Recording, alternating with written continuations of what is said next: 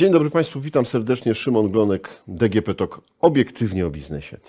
Witam Państwa w cyklu podcastów, e, już to jest czwarty odcinek z tego cyklu, w którym obserwujemy świat bankowości, świat, e, jak rozwijał się system bankowy w trzeciej Rzeczpospolitej e, oczami Krzysztofa Pietraszkiewicza. Dzień dobry, panie prezesie. Dzień dobry, miło mi.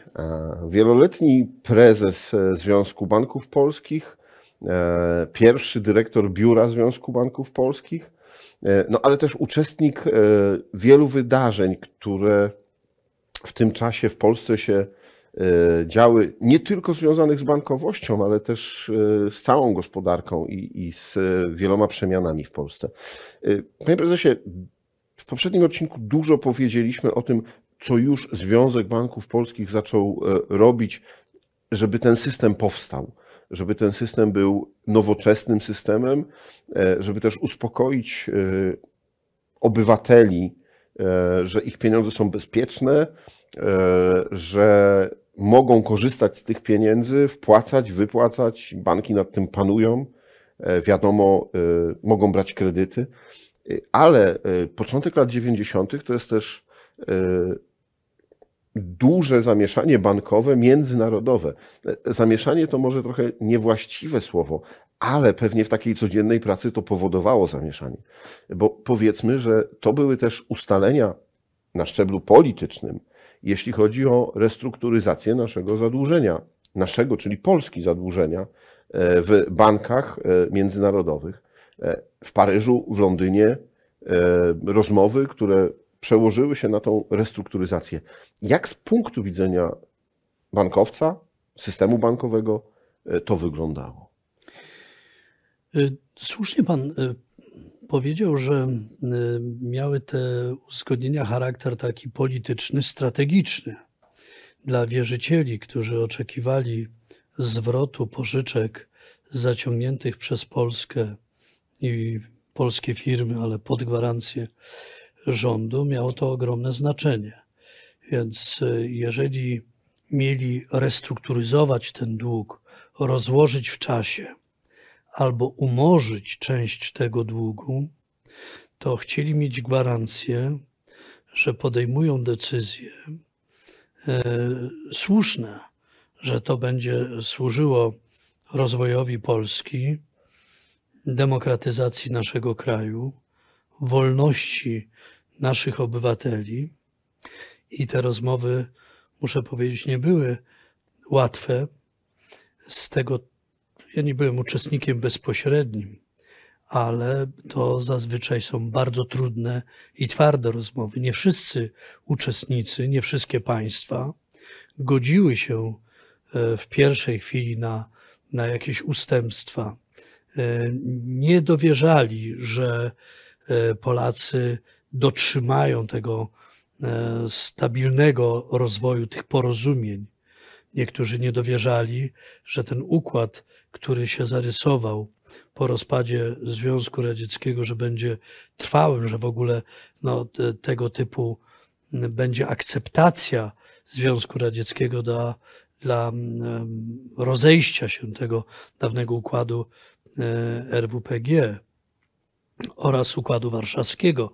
Pamiętajmy. Więc e, ja muszę powiedzieć tu ogromny szacunek dla przedstawicieli polskiego rządu i polityków wszystkich frakcji, którzy zabiegali o to i niejako gwarantowali, potwierdzali, że Polska rzeczywiście wchodzi na drogę reform, że będzie dotrzymywać zobowiązań i że będą stosowane, uznane, przyjęte w świecie reguły postępowania, w świecie gospodarki rynkowej. E, I tutaj pamiętajmy i o funduszu stabilizacyjnym, który pozwalał na e, ustabilizowanie kursu e, polskiej waluty względem dolara i, i, i innych walut, ale także gwarancję, że my w określonym tempie będziemy wprowadzać określone reformy w określonym miejscu. Tak, tak buduje się wiarygodność i tak buduje się przekonanie partnerów do władz danego kraju. Tak, buduje się wiarygodność poprzez to, że bank centralny będzie wypełniał swoją rolę.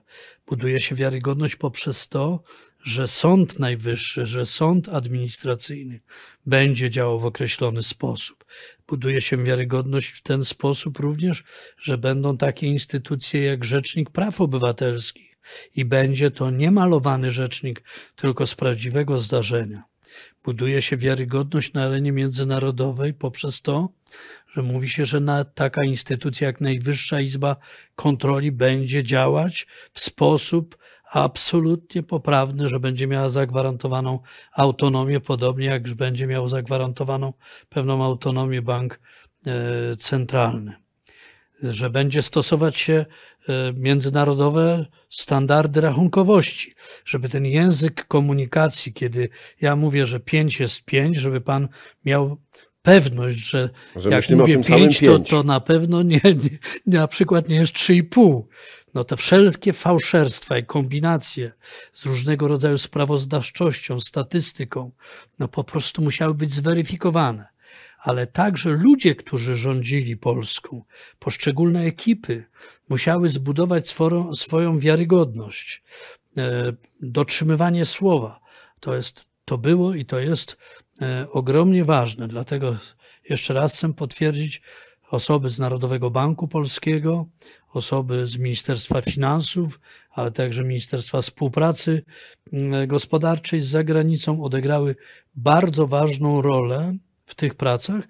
Także oczywiście osoby, które wspierały czasami ze świata nauki o uznanym autorytecie naukowym, które y, potwierdzały, że, że po prostu w tym kierunku y, zmierzamy i ważne, że to potrafiliśmy dokonać i że uwierzono nam Y, i zgodzono się na restrukturyzację i umorzenie części zadłużenia. Dla banków z kolei, które wchodziły w obrót międzynarodowy, to było niezmiernie ważne, bo bez e, świadomości, że Polska ma określony rating, określoną pozycję, określoną wiarygodność, no żadna instytucja finansowa z polskim kapitałem nie mogła liczyć na solidną współpracę. Natomiast pamiętajmy, że nadal jesteśmy w okresie, w którym mamy ogromną część kredytów niespłacanych, zagrożonych, brakuje nam kapitału na rynku wewnątrzkrajowym i to, co jest istotne, bo tutaj jest niezmiernie ważny aspekt, i setki tysięcy ludzi strajkujących w różnych firmach, łącznie w skali roku. Czyli mamy niedobór kapitału, niedobór oszczędności, tysiące ludzi strajkujących z różnych powodów, bo ich firmy padają, bo nie mają wynagrodzenia, bo nie dostają po prostu podwyżek pensji, bo jest walka z, z inflacją. I muszę powiedzieć, tutaj chciałbym po raz pierwszy jasno powiedzieć, że dopuszczenie w, w tamtym okresie kapitału zagranicznego do polskich banków było koniecznością, dlatego że bez tego nasze oszczędności byłyby zagrożone, a ponadto liczenie na inwestorów zagranicznych no byłoby po prostu czymś bardzo, bardzo naiwnym. I dlatego Stety czy niestety doszliśmy do sytuacji w pewnym momencie, że udział kapitału zagranicznego w polskiej bankowości, patrząc z punktu widzenia udziału w zarządzaniu aktywami e, gospodarki, no, przekroczył 70, 70%. Myśmy zwracali w Związku Banków Polskich uwagę, między innymi e, także moi koledzy, ale i ja, że przekraczanie pułapu 50% e, udziału kapitału zagranicznego nie byłoby wskazane. Ale nieraz patrzę na to i mówię, no, bez było, tego nie udałoby się. Bez tego nie udałoby się ustabilizować, bo co robili inwestorzy? Inwestorzy zagraniczni, którzy dostawali zgodę na wejście do polskiej bankowości, dostawali, podpisywali mm, zobowiązanie, że przejmą jeden, drugi czy trzeci bank, który miał fatalną sytuację E, w portfelu kredytowym, czyli miał zagrożone, zagrożone bardzo poważnie e, depozyty. No i ten, można powiedzieć, krok po kroku stabilizowaliśmy polski sektor bankowy. Ci z kolei inwestorzy zagraniczni mieli bardzo poważną, poważny także atut. Oni nie oczekiwali na szybki zwrot z kapitału zainwestowanego w polskich bankach, bo widzieli, że jest to rynek rosnący, no bo To kiedy tylko inwestycje. tak, kiedy tylko 25% czy 27% korzystało z usług bankowych obywateli i był tak ogromny rynek do zagospodarowania, to oni byli gotowi czekać i reinwestować te środki. I dlatego te bajki opowiadane przez niektórych polityków, że, Sprzedaliśmy że banki, banki. sprzedaliśmy i wszystko jest transferowane za granicą, to są naprawdę w ogromnej mierze bójdy i kłamstwa.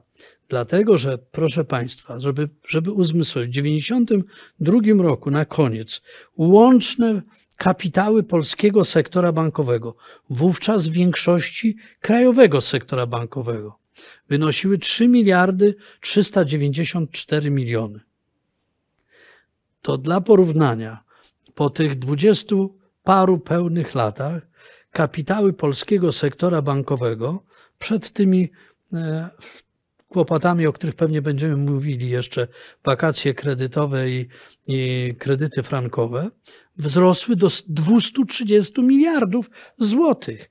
I to nie jakieś obietnice, nie jakieś papiery, tylko naprawdę prawdziwe pieniądze. Czyli w wyniku tego polski sektor bankowy w 1993 roku mógł udzielić około 30 miliardów kredytów, a w roku 2021 i 2022 mógł udzielać, mógłby udzielić, gdyby były takie potrzeby i były takie oszczędności, e, tych e, kredytów w wysokości prawie 2 bilionów złotych. W związku z tym tego żeśmy dokonali. To jest dorobek naszych wspaniałych rodaków, klientów, bo to nie krasnoludki zbudowały system bankowy. I to nie sami czy inwestorzy zagraniczni, to nie sami bankowcy. To my, proszę Państwa, te 38, 39, 37 milionów Polaków i nasi przedsiębiorcy wspólnie zbudowaliśmy z udziałem partnerów zagranicznych bardzo nowoczesną część polskiej gospodarki. I to jest prawo do dumy. To jest dowód na to, że możemy zrobić w wielu dziedzinach wspólnym wysiłkiem bardzo wiele. Panie prezesie, to e, powiedział Pan o tej nowoczesności. E, czy ma Pan wrażenie, patrząc na te lata e, wstecz, że Polska była trochę takim królikiem doświadczalnym? Nasz system bankowy był takim królikiem doświadczalnym dla innych państw jeśli chodzi właśnie o informatyzację, o wprowadzanie nowoczesnych rozwiązań. E, no już o, e, nie wiem, telefonie, znaczy o oparcie bankowości jako bankowości mobilnej. To ja, ja, ja myślę, wyrzućmy tego królika doświadczalnego. No bo jak wiecie, jak są eksperymenty, wie pan, jak są eksperymenty i jest królik, to królik czasami wychodzi kiepsko na tych eksperymentach. Ale to, co na pewno jest mm, naprawdę godne podkreślenia. Utalentowani polscy absolwenci polskich uczelni. Częściowo także absolwenci polskich uczelni, którzy niektórzy wrócili do Polski z zagranicy, bo spędzili tam kilka lat w różnych instytucjach. Potrafili korzystać z obserwacji, z wniosków płynących ze świata i budować nowoczesny, nieobarczony błędami polski system bankowy. Podam kilka konkretnych przykładów. Zbudowaliśmy szybko jedną z najnowocześniejszych w Europie i świecie izb rozliczeniowych. Po prostu zrezygnowaliśmy, wyrzuciliśmy czeki z obrotu. W systemie płatniczo-rozliczeniowym do kart płatniczych, gdzie startowaliśmy dopiero, wprowadziliśmy wkrótce mikroprocesory. To są jedne z najnowocześniejszych kart płatniczo-rozliczeniowych. Uwaga, niektóre te nowoczesne, bardzo bezpieczne karty nie mogą być akceptowane w innych krajach uznanych za bardziej rozwinięte niż Polska. Dlatego są zbyt nowoczesne. Bo są zbyt nowoczesne. To właśnie nasz, w tym sensie to nie jest e, królik doświadczalny, w tym sensie to jest nasz, nasz dorobek. Myśmy mhm. pokazali, że tak można. Prowadziliśmy, oparliśmy nasze rozliczenia międzybankowe, a później wewnątrzbankowe na protokołach internetowych, na rozwiązaniach internetowych. Przyznam szczerze, kiedy jeden z doradców powiedział mi, e, zastosujmy rozwiązania internetowe, to ja zadałem mu wówczas pytanie, ale zaraz, ale co to jest internet? I on mi wtedy wyjaśnił dorobek CERN-u i zastosowanie tego typu rozwiązań w armii amerykańskiej i co dzięki temu można osiągnąć. No i na szczęście było świetnych kilku liderów polskiej bankowości, którzy na to postawili. Prezes Schwarz z Brebanku i jego, jego zespół. Później e, Sławek Lachowski, ale, ale e, e Brunon Bartkiewicz, prezes Marian Kanton tutaj przywoływany, który stawiał na, na modernizację swojego banku, ale także muszę powiedzieć w pewnym momencie, jako przewodniczący Rady PKO BP nadzorczej, bardzo się cieszyłem, że PKO BP, który miał taką opinię banku ociążałego, banku Trochę schodzącego. Z korzeniami z tak, poprzedniego systemu. Strasznego, ale to był wielki, wielki bank. E, zdecydował się na e, kupienie Inteligo i wdrożenie, i później widać było, jak ten bank z roku na rok wzrasta. Tutaj ogromna zasługa Andrzeja Podsiadłok, świętej pamięci Kazimierza Małeckiego, ale później następców, którzy świetnie ten, e, ten bank, podobnie jak inne banki, e, e, rozwijali. Mhm. Po drodze mieliśmy wielką, wielki problem restrukturyzacji bankowości spółdzielczej i Banku Gospodarki Żywnościowej, bo tam właśnie w obszarze rolnictwa bardzo wiele kredytów było zagrożonych. I tutaj właśnie program rządowy o restrukturyzacji banków spółdzielczych i BGŻ był bardziej przydatny. Ale przedtem, to co jest ważne, jeszcze raz e, pamiętajmy o tym, także dorobek, e, poza oczywiście premierem Balcerowiczem, ale ministra Stefana Kawalca, Sławomira Sikory, którzy wówczas pracowali w Ministerstwie Finansów, to jest cały program e, restrukturyzacji, komercjalizacji i prywatyzacji zarówno przedsiębiorstw państwowych, jak i banków państwowych. Czasami słyszę coś takiego, że o tam się coś nie udało albo mogło być lepiej i tak dalej. Po iluś latach można zawsze powiedzieć, powiedzieć, że można było lepiej. Czy można było? Zapewne, proszę Państwa, zawsze można było lepiej. Ale trzeba było wielkiej wyobraźni, determinacji, i jednocześnie zbudowania takiego przeświadczenia, że potrafimy mhm. e, e, to zrobić. Dzięki temu, no pamiętajmy, bo to nie, niektórzy nie, nie, nie, chcą pamiętać, że poważna część polskiej, e, polskiego PKB pochodzi z produkcji. Znacznie więcej PKB polskiego jest wytwarzanego z, z produkcji, aniżeli z innych działów e, gospodarki. My jesteśmy krajem, który ma duży potencjał modernizacyjny polskiej, e, e, polskiej produkcji. A jak to jest ważne, okazało się w czasie kryzysu finansowego.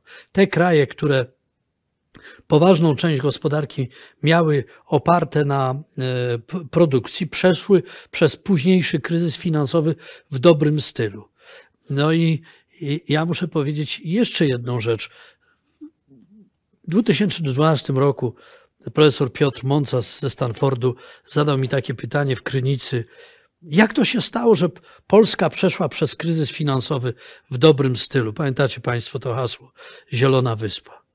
Otóż trzeba sobie jasno powiedzieć, jak się musiałem nad tym zastanowić i dokonać takiej oceny, co było tą, tym fundamentem tego sukcesu, to po pierwsze dobre strategiczne wybory, takie polityczne co do kierunku rozwoju. Ale kanwą było porozumienie polskiego społeczeństwa. I o to porozumienie i budowanie kapitału społecznego zawsze musimy dbać. Myśląc, bo jesteśmy w takim miejscu w świecie e, usytuowani, położeni i to się nie zmieni, gdzie ta kwestia będzie newralgiczna. Druga sprawa, przystąpienie do Unii Europejskiej, trzecia do NATO, do Rady Europy i stworzenie szeregu e, instytucji i dobrze, mądre, wykształcone, dobrze zarządzające zarządy bankami i solidny nadzór i niezłe regulacje różne rachunkowościowe i tak dalej. Wracając do e, tej informatyzacji, wszystko zaczęło się od bankowego przedsiębiorstwa telekomunikacyjnego Telbank SA. Cóż to była za inicjatywa? Na moment muszę wrócić do rozliczeń międzybankowych i do tego Sybiru, czyli rozliczeń papierowych wspomaganych e, komunikatami radiowymi e, o tym, jakie tam są, są tam salda pomiędzy poszczególnymi bankami. To o tym rozmawialiśmy w poprzednim odcinku, tylko przypomnę, tak. a teraz. Natomiast okazało się, że żeby e, dokonać kolejnego kroku, zelektronizować system płatniczo-rozliczeniowy i w ogóle system, e, system bankowy, potrzebujemy stabilnej, nowoczesnej telekomunikacji. Ta telekomunikacja tradycyjna, oparta na przewodach miedzianych i, i, i tym podobnych, była niewystarczająca. Mało tego, telefonów i łączy było za, za mało. W związku z tym, po sukcesie związanym z założeniem Izby Rozliczeniowej, gdzie udowodniliśmy sobie, że możemy to zrobić, powstała inicjatywa utworzenia, kilka inicjatyw utworzenia przedsiębiorstw telekomunikacyjnych bankowych. Jedna to była inicjatywa z Gdańska, e, łączności satelitarnej. Inna inicjatywa była zrodzona w Narodowym Banku Polskim, aby zrobić, założyć no, przedsiębiorstwo telekomunikacyjne. Jeszcze inne były inicjatywy e, łączące, współpracujące z telekomunikacją. Po analizie doszliśmy do wniosku, e, i to była moja kolejna prośba do prezesa Mariana Cantona, no, który był, można powiedzieć, człowiekiem tutaj sukcesu, emanacja sukcesu, utworzenie Krajowej Izby Rozliczeniowej, więc pojechaliśmy razem na spotkanie do Banku Śląskiego prezesów banków w Częstochowie. Prezes Rajczyk pokazywał pierwszą instalację IBM-owską w Banku Śląskim i tam zwróciliśmy się do prezesów, żeby założyć, nie podejmować trzech, czterech inicjatyw telekomunikacyjnych, tylko powołać do życia bankowe przedsiębiorstwo telekomunikacyjne Telbank, wykorzystującą, wykorzystujące licencję NBP-owską. Bo Narodowy Bank Polski wcześniej uzyskał licencję. Na firmę telekomunikacyjną trzeba było mieć licencję. I muszę powiedzieć, że e, myślę, że też Narodowy Bank Polski, niesiony tym sukcesem systemu płatniczo-rozliczeniowego, KIR-u, e, zgodził się na to, żeby wnieść aportem licencje i, i pewne instalacje do Telbanku, a z kolei e, świetni szefowie, pan Andrzej Cichy, pan Andrzej Polak, pan Henryk Marszałowicz, po prostu pan Mirosław Stando podjęli się zbudowania firmy telekomunikacyjnej, jednej z najnowocześniejszej, wykorzystującej światłowody na, na, na wielką skalę, E, niezawodne i stworzyli po prostu jedno z najnowocześniejszych przedsiębiorstw telekomunikacyjnych, dzisiaj będące częścią Exatela. No i Telbank uczestniczył e, w zakładaniu jednej e, z firm telekomunikacyjnej, mianowicie GSM+. I, i to, to z kolei umożliwiało nowe otwarcie w systemach płatniczo-rozliczeniowych, zarówno wewnątrzbankowych, jak i międzybankowych, czyli przejście na systemy e, elektronicznych e, rozliczeń i ogłoszenie w roku... Ba banki zyskały bardzo szybką możliwość wymiany informacji. Szybką, pewną, niezawodną, bo to było zawsze i backupowane, i kilka dodatkowych alternatywnych rozwiązań. I mogliśmy w roku 2000 ogłosić, że wycofujemy papier z obrotu międzybankowego. W roku 2000 mogliśmy ogłosić po kilku latach od zbudowania Kiru i od zbudowania Telbanku. Ale chcę powiedzieć jeszcze o jednej rzeczy, bo z tych zadań, które związek wykonywał, e, to było budowanie systemu informacji międzybankowej o klientach. I proszę sobie wyobrazić powrót e, mój wieloletni e, do roku 91 w czerwcu. Jestem w Sejmie w sali 116, tam gdzie obradowała zwykle Komisja Finansów Publicznych i nagle jakiś poseł, patrząc e, w moim kierunku, mówi: Wy złodzieje, wy tutaj udzielacie kredytu na jakąś podzastaw jakiejś szopy i małej działki na wiele miliardów, ówczesnych miliardów, jeszcze przed denominacją. Ja się oglądam za mną tylko okno, wyraźnie w moją stronę mówi, ale nie czułem się w żaden sposób Związany winien tego, związany i y, gotów do przyjmowania takich zarzutów. I szczerze powiedziawszy, wracając z Sejmu do biura, postanowiłem na Placu Trzech Krzyży napisać pismo do wszystkich prezesów polskich banków, że jeżeli mają takie podejrzane e, osoby, podejrzanych klientów, to żeby po prostu stworzyć wspólną bazę danych o klientach czasowo nie wywiązujących się ze swoich zobowiązań. A później, paręnaście miesięcy później, e, z kolei jednemu z klientów mm, oddziału, w którym pracowała moja żona, ukradziono na dworcu centralnym karty płatnicze, książeczkę czekową, dowód e, osobisty i paszport.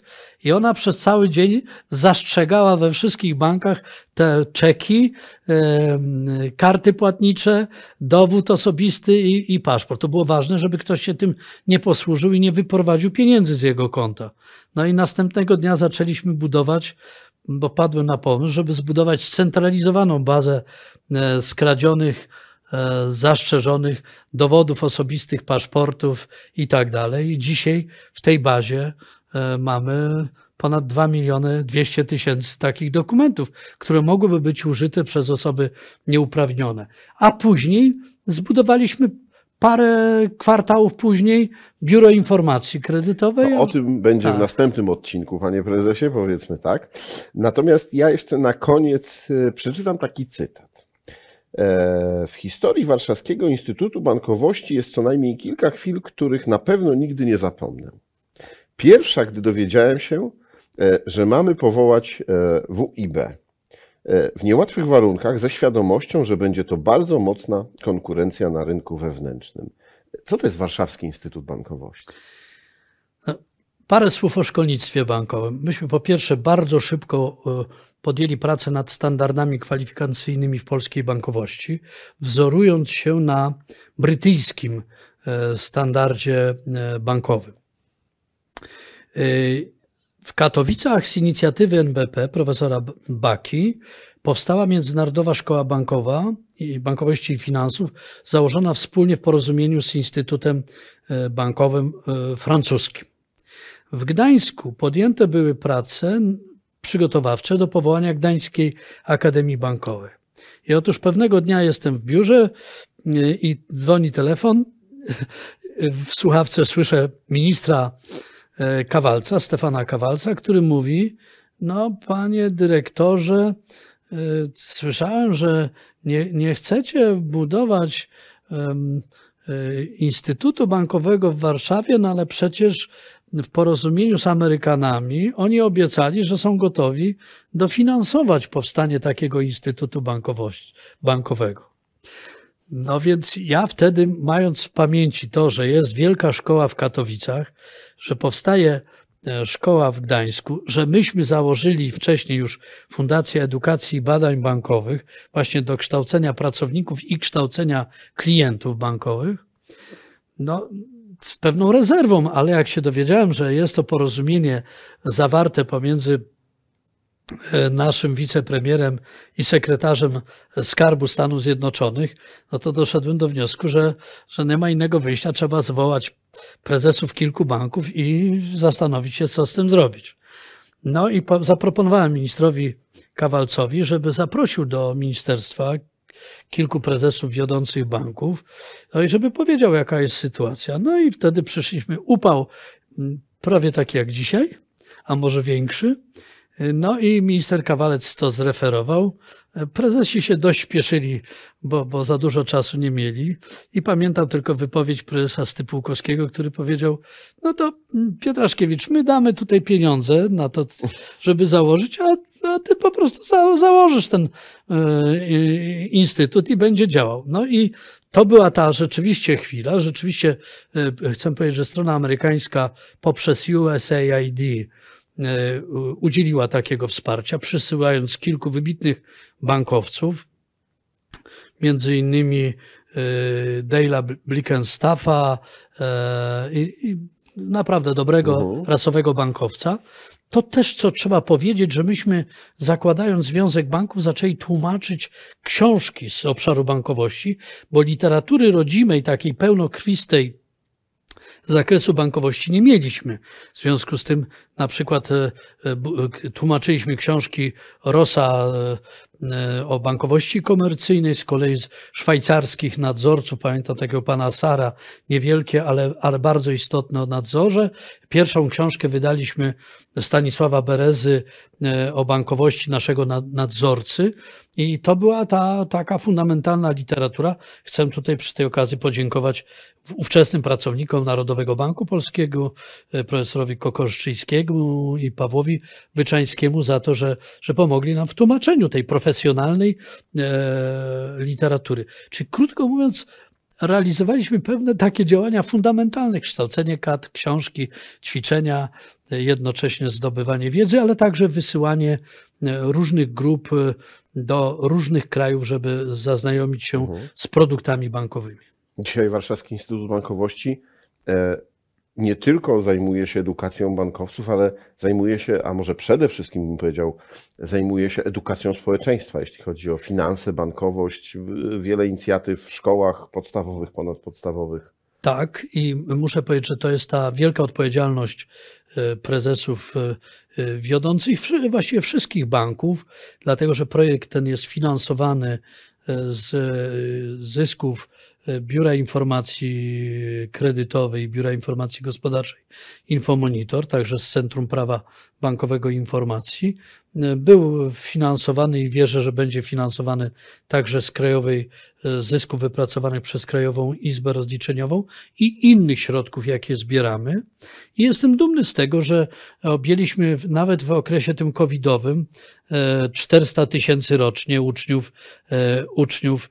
E, Pomogły tutaj nowe technologie, bo w niektórych wykładach, czy profesora Orłowskiego, czy, czy prezesa e, Brunona Bartkiewicza, czy prezesa Stypu Łukowskiego e, brało udział od 5 do 8 tysięcy uczestników. Chcę podziękować przy tej okazji ogromnie nauczycielom, e, parotysiącom nauczycieli szkół na terenie całego kraju, bo to oni o określonej godzinie, na określonych zajęciach właśnie z zakresu wychowania czy, czy przedsiębiorczości e, pozwalają łączyć się e, uczniom i wysłuchiwać tych wykładów. My koncentrujemy te zajęcia e, na zas- kwestiach dotyczących bezpieczeństwa, istocie systemu finansowego, na e, kwestiach płatniczo-rozliczeniowych, wymianie informacji gospodarczej, ale także zagadnieniach cyberbezpieczeństwa. Myślę, że to jest niezmiernie ważne, a teraz na pewno będą wchodzić takie zagadnienia jak ESG, czyli ochrona środowiska, za- zarządzanie nowoczesne e, podmiotami i taka społeczna wrażliwość i odpowiedzialność e, w prowadzeniu e, biznesu. Tak, VIP odgrywa i odgrywał e, bardzo, bardzo ważną e, rolę i, i cieszę się, że ta fundacja dobrze funkcjonuje. Z jednej strony rzeczywiście kształci nadal bankowców, organizuje ligę akademicką, jeśli chodzi o zarządzanie banko, bankiem e, i jednocześnie prowadzi zajęcia dla tych setek tysięcy e, uczniów. Panie prezesie, serdecznie dziękuję za kolejną garść e, arcyciekawych informacji. E, Myślę, że gdyby nie nasza rozmowa, to e, nigdy ja bym się nie dowiedział, a pewnie i wielu z Państwa nie miałoby możliwości przeczytać czy dowiedzieć się. E, Zapraszam oczywiście tych, którzy e, po raz pierwszy wysłuchali naszej rozmowy do e, poprzednich odcinków o tym, jak tworzył się system bankowy w Polsce. Zapraszam do słuchania e, następnych.